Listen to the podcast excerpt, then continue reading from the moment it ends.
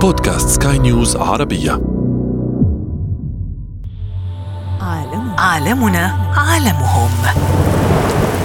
عالمنا. عالمهم.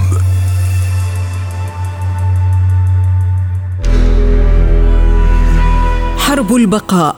أدوات في حرب البقاء على كوكب الأرض. سياسة التكيف. لها أدوات كثيرة. منها مخالب وسموم فك وأنياب. منقار وأرجل التكيف بصفات جسدية أو بالسلوكيات. ده هو البقاء عشان كده لابد من وجود هذه الحرب وهذه لها مبررها. فأكلات اللحوم لازم تقتنص فريستها وتقتلها. وعلى الفريسة إن تحمي نفسها من الاكل عشان كده هي الحرب فايتنج موجودة بين الاثنين. تركيبة خارجية وداخلية لجسد العقرب. وهذه التركيبة تساعده على التكيف مع البيئة لحماية نفسه. العقرب مثلا بتتبختر كده بشوكتها وترفعها استعداد الهجوم بتاعها أو الدفاع. يعني بترفع الشوكة بتاعتها في ديلها علشان إما هتهاجم يا إما هتدافع عن نفسها. في نفس الوقت بنجد إنها بتحمل فوق ظهرها عشرات الصغار شباك العنكبوت تتكون من خيوط قوية من البروتين.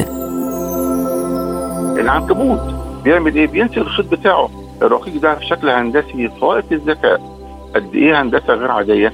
بتراقب من بعيد قوي قوي لما ترجع تيجي جراد أو حشرة صغيرة عشان تاكل هذا آه عشان ياكل هذه الحشرة من خلال هذه الحاجات الشائكة. النباتات وتساقط الأوراق في الخريف، ما الحكمة؟ حتى النبات بتوقع أوراقه في الخريف، أوراقه ليه؟ علشان خاطر ما لهاش فايدة، تص ميه بدون فايدة فصل الخريف، مش هتبقى فيه إظهار يعني، وحفاظ على على الشجرة نفسها كمان إن هي لو اخذ مية من غير إظهار وإثمار النبات الشجرة نفسها بتموت بعد كده. حرب في الغابة من أجل البقاء والحياة. في هذه الحلقة نتحدث عن الزواحف والحشرات والنباتات، تابعونا. عالمنا عالمهم. العقرب تركيبة خارجية وداخلية لجسد العقرب وهذه التركيبة تساعده على التكيف مع البيئة لحماية نفسه. هناك أنواع كثيرة من العقارب منها الأحمر الهندي والعقرب المخطط والإمبراطورية وغيرهم. تتكاثر العقارب في الأجواء الدافئة وحديثنا عن سم العقرب. الذي يسبب تنميلا والما موضعيا ويسبب حركات متشنجة في العين وصعوبة في البلع. نتابع سم العقارب ونقترب منها مع الطبيب البيطري الدكتور جمال مدني أستاذ الحياة البرية. العقرب مثلا بتتبختر كده بشوكتها وترفعها استعداد الهجوم بتاعها. أو الدفاع يعني بترفع الشوكة بتاعتها في ديلها علشان إما هتهاجم يا إما هتدافع عن نفسها. في نفس الوقت بنجد إنها بتحمل فوق ظهرها عشرات الصغار لم ينتظرون غذائها. قد إيه؟ قد إيه منظر غير عادي. هندسة العنكبوت. أنواع لا حصر لها من العناكب. تصل لأكثر من 46 ألف نوع حول العالم ومنها عناكب ملقاطيات الفك وعناكب أخرى يتكون جسد العنكبوت من جزئين ويعتمد على اللمس والاهتزاز في اصطياد فرائسه. يستوطن العنكبوت جميع القارات عدا القطبية الجنوبية. شباك العنكبوت تتكون من خيوط قوية من البروتين. ولنا في سم العنكبوت قصص كثيرة. سم ولدغات العنكبوت بيعمل إيه؟ بينسي الخيط بتاعه. الرقيق ده في شكل هندسي فائق الذكاء. قد إيه هندسة غير عادية؟ بتراقب من بعيد قوي قوي لما ترجع تيجي جراد أو حشرة صغيرة عشان تاكل هذا آه عشان ياكل هذه الحشرة من خلال هذه الحاجات الشائكة. وإن أوهن البيوت إلى بيت العنكبوت سبحان الله. وتبان بالفعل بالنسبة لنا انها واهنة جدا. لكن دي موجودة عشان يصطادوا. واقف مترقب من بعد. حشرة تيجي تقع في في الخية زي ما بيقولوا أو قاعد في الشباك هو يقرب منها وياكلها. حضرتك بتتكلمي على التكيف مع الطبيعة. ده من ضمن الأمور اللي هي ليها علاقة بالتكيف مع الطبيعة. فبنجد إن الحرباية مثلا بتنوع الاعداء فبنجد الألوان بتاعتها بتختلف. مثلا لون ساق الشجرة أو تبقى مثلا في التراب تبقى موجودة بلون التراب كويس أو مخلوقات. مثلا زي الانفذ قد إيه ده هذا هذا الحيوان كله عبارة عن شوكة كره من الشوك. مين حيوان مجنون يقدر يقرب منه عشان يقدر ياكل منه أو يعور نفسه عشان ياكل ياكل إزاي؟ وليه؟ اذا هو بيقدر يحمي نفسه بهذه الصورة. وأيضا بنجد إن هو بعض الحشرات بتدي نفس لون واشكال اوراق النبات زي فرس النبي. دي بعض الأنواع العجيبة اللي مندهشة وتدهش الناس في الاختباء والاحتماء النباتات وتساقط الأوراق في الخريف. ما الحكمة؟ النباتات أم الكائنات الحية.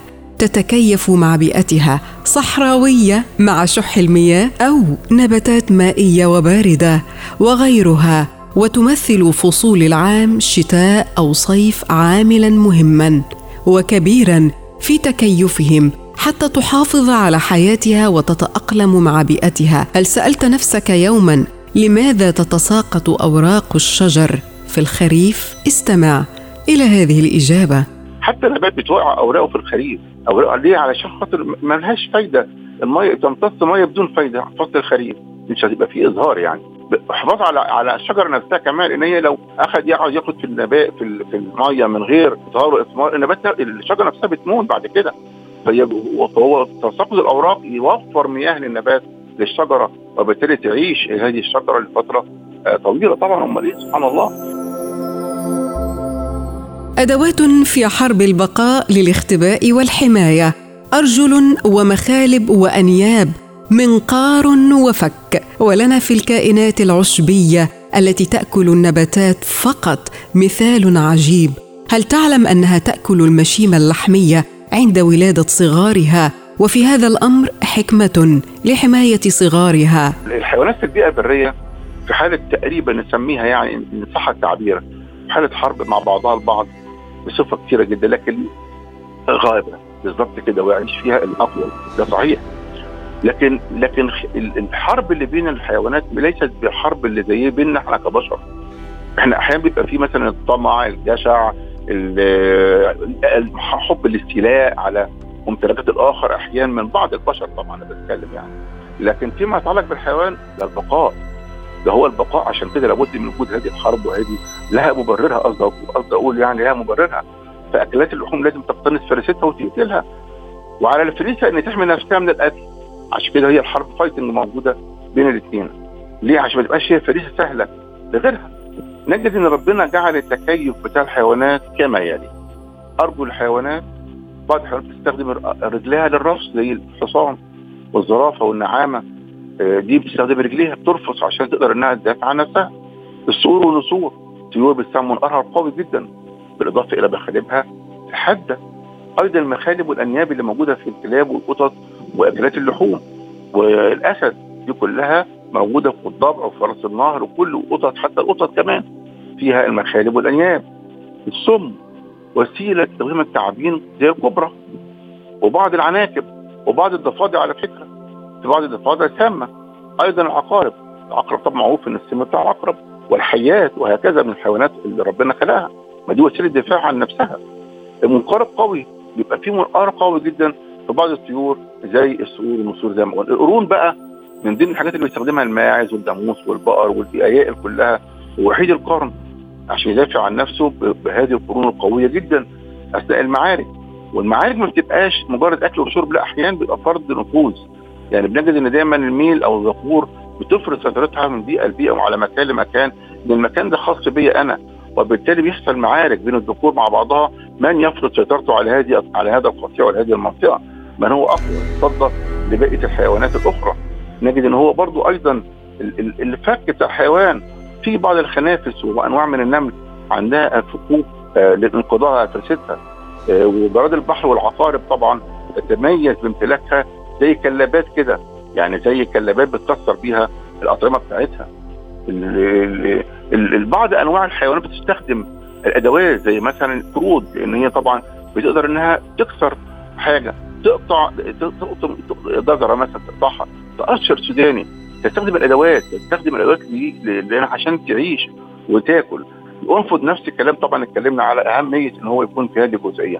لله في خلق الشؤون دي وسائل لبقاء الحيوانات ومن الفائدة أن يكون الحيوان مفترس يتغلب عن الإمساك والحيوانات العشبيه بعد الولادة على فكرة أنا شفتها ديت بتاكل المشيمة بتاعتها. المشيمة اللي هو إيه؟ اللي هو اللي هو بيسموه باللغة البلدي أو العامية اللي هو بعد الولادة اللي بيحصل زي حاجة كده tissue نسيج موجود. الحيوانات البرية بصفة خاصة بتاكل هذه المشيمة رغم إن هو حيوان عشبي لأنه بياكل لحم. اللي هو اللحم اللي طالع منه هو ليه؟ علشان ما يجيش حيوان بري يشم ريحة الدم في المكان ده وبالتالي يتوقع إن في baby في هذه المنطقة وينتظر أو يتبصص عشان يقوم عليه فالأم بتعمل إيه؟ بتأكل المشيمة. المشيمة بتأكلها. دي دي نوع انواع الدفاع عن نفسها. الأرانب بتجري بطريقة جامدة قوي وبتقفز. ده كله عشان إيه؟ يهرب من العدو. الارنب اللي هو إحنا بنقول عليه ده سهل. لا مش سهل ولا حاجة. مش سهل الامساك بيه مش سهل الامساك بإنه بيقدر. هو يقفز وممكن هو بيهرب وبيجري عالمنا عالمهم. عالمنا عالمهم.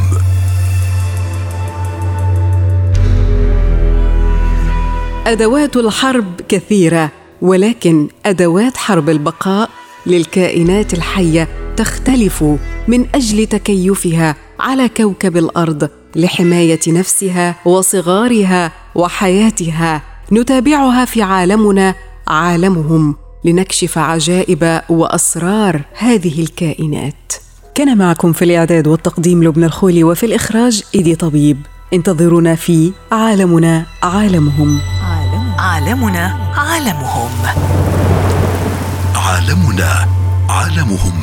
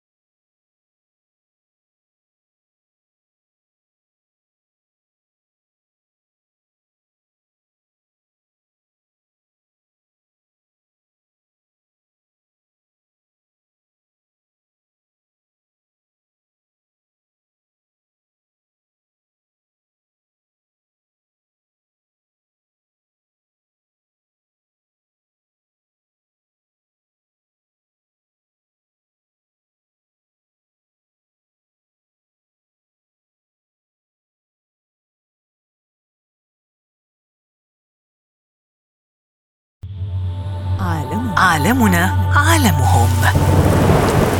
عالمنا عالمهم.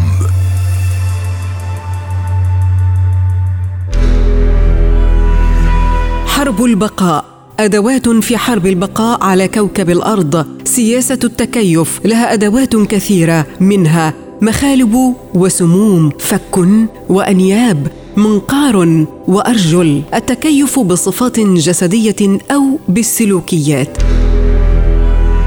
ده هو البقاء عشان كده لابد من وجود هذه الحرب وهذه لها مبررها. فأكلات اللحوم لازم تقتنص فريستها وتقتلها. وعلى الفريسه أن تحمي نفسها من القتل عشان كده هي الحرب فايتنج موجودة بين الاثنين. تركيبة خارجية وداخلية لجسد العقرب. وهذه التركيبة تساعده على التكيف مع البيئة لحماية نفسه. العقرب مثلا بتتبختر كده بشوكتها وترفعها استعداد الهجوم بتاعها. أو الدفاع يعني بترفع الشوكة بتاعتها في ديلها علشان إما هتهاجم يا إما هتدافع عن نفسها في نفس الوقت بنجد إنها بتحمي فوق ظهرها عشرات الصور شباك العنكبوت تتكون من خيوط قوية من البروتين. العنكبوت بيعمل إيه؟ بينسي الخيط بتاعه. الرقيق ده في شكل هندسي فائق الذكاء. قد إيه هندسة غير عادية؟ بتراقب من بعيد قوي قوي لما ترجع تيجي جراد أو حشرة صغيرة عشان تاكل هذا آه عشان ياكل هذه الحشرة من خلال هذه الحاجات الشائكة. النباتات وتساقط الأوراق في الخريف. ما الحكمة؟ حتى النبات بتوقع أوراقه في الخريف. أوراقه ليه علشان خاطر ما لهاش فايدة. تص مية بدون فايدة فصل الخريف. مش هتبقى فيه إظهار يعني. وحفاظ على على الشجرة نفسها كمان إن هي لو أخذ مية من غير إظهار وإثمار النبات الشجرة نفسها بتموت بعد كده. حرب في الغابة. من أجل البقاء والحياة. في هذه الحلقة نتحدث عن الزواحف والحشرات والنباتات. تابعونا. عالمنا عالمهم. العقرب تركيبة خارجية وداخلية لجسد العقرب وهذه التركيبة تساعده على التكيف مع البيئة لحماية نفسه نتابع سم العقارب ونقترب منها مع الطبيب البيطري الدكتور جمال مدني أستاذ الحياة البرية. العقرب مثلا بتتبختر كده بشوكتها وترفعها استعداد الهجوم بتاعها أو الدفاع يعني بترفع الشوكة بتاعتها في ديلها علشان إما هتهاجم يا إما هتدافع عن نفسها في نفس الوقت بنجد إنها بتحمي فوق ظهرها عشرات الصور لم ينتظرون غذائها. قد إيه قد إيه منظر غير عادي. هندسة العنكبوت أنواع لا حصر لها من العناكب تصل لأكثر من 46 ألف نوع حول العالم. شباك العنكبوت تتكون من خيوط قوية من البروتين ولنا في سم العنكبوت قصص كثيرة. سم ولدغات. العنكبوت بيعمل إيه؟ بينسي الخيط بتاعه. الرقيق ده في شكل هندسي فائق الذكاء قد إيه هندسة غير عادية؟ بتراقب من بعيد قوي قوي لما ترجع تيجي جراد أو حشرة صغيرة. عشان تاكل هذا آه عشان ياكل هذه الحشرة من خلال هذه الحاجات الشائكة. وإن أوهن البيوت إلى بيت العنكبوت سبحان الله. وتبان بالفعل بالنسبة لنا واهنه جدا. لكن دي موجودة عشان يصطادوا. واقف مترقب من بعد. حشرة تيجي تقع في الخية زي ما بيقولوا أو وقعت في الشباك. هو يقرب منها وياكلها. يمكنكم متابعة هذه الحلقة كاملة والمشاركة بالآراء على بودكاست عالمهم عالمنا. وانتظرونا في الحلقة المقبلة. عالمهم عالمنا.